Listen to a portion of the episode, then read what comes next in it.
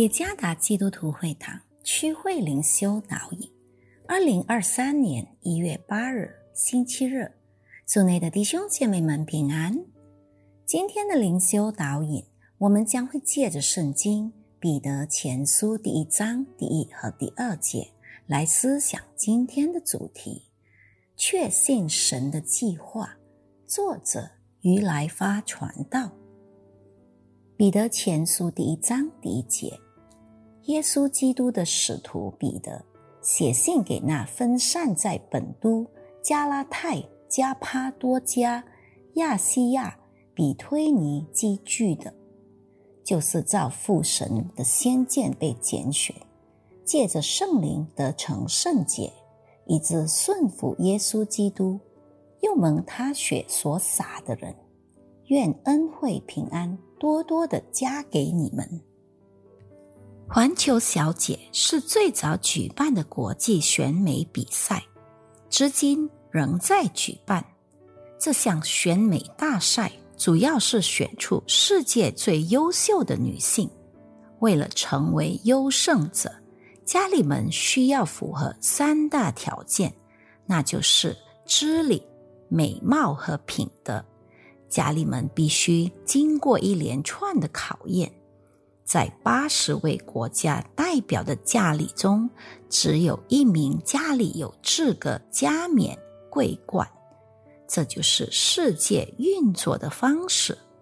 我们通常都会根据某些的标准来选择最好的，然而上帝拣选我们的方式却截然不同。彼得写信给那分散在本都、加纳泰、加帕多加、亚细亚、比推尼积聚的基督徒，他们大多数是非犹太人。在那个时代，犹太基督徒和非犹太基督徒之间经常发生争执。犹太人认为他们是上帝的选民，他们认为。他们的列祖是上帝所拣选的子民，参看《生命记》第七章第七到第九节。之后出现异端学说，教导那些想成为上帝选民的非犹太人，必须守犹太传统的节日，例如守割礼，举行犹太教的宗教仪式。使徒保罗强烈反对异端的教导。他说：“他们那些非犹太基督徒是按照我们父上帝的计划而被拣选的，并被圣灵成圣，以便他们顺服耶稣基督，并接收他舍身流出来的宝血。故此，上帝的选民不是因着犹太血统关系。”或通过遵行传统习俗，而是因为这是神的计划。上帝对他子民的计划是什么？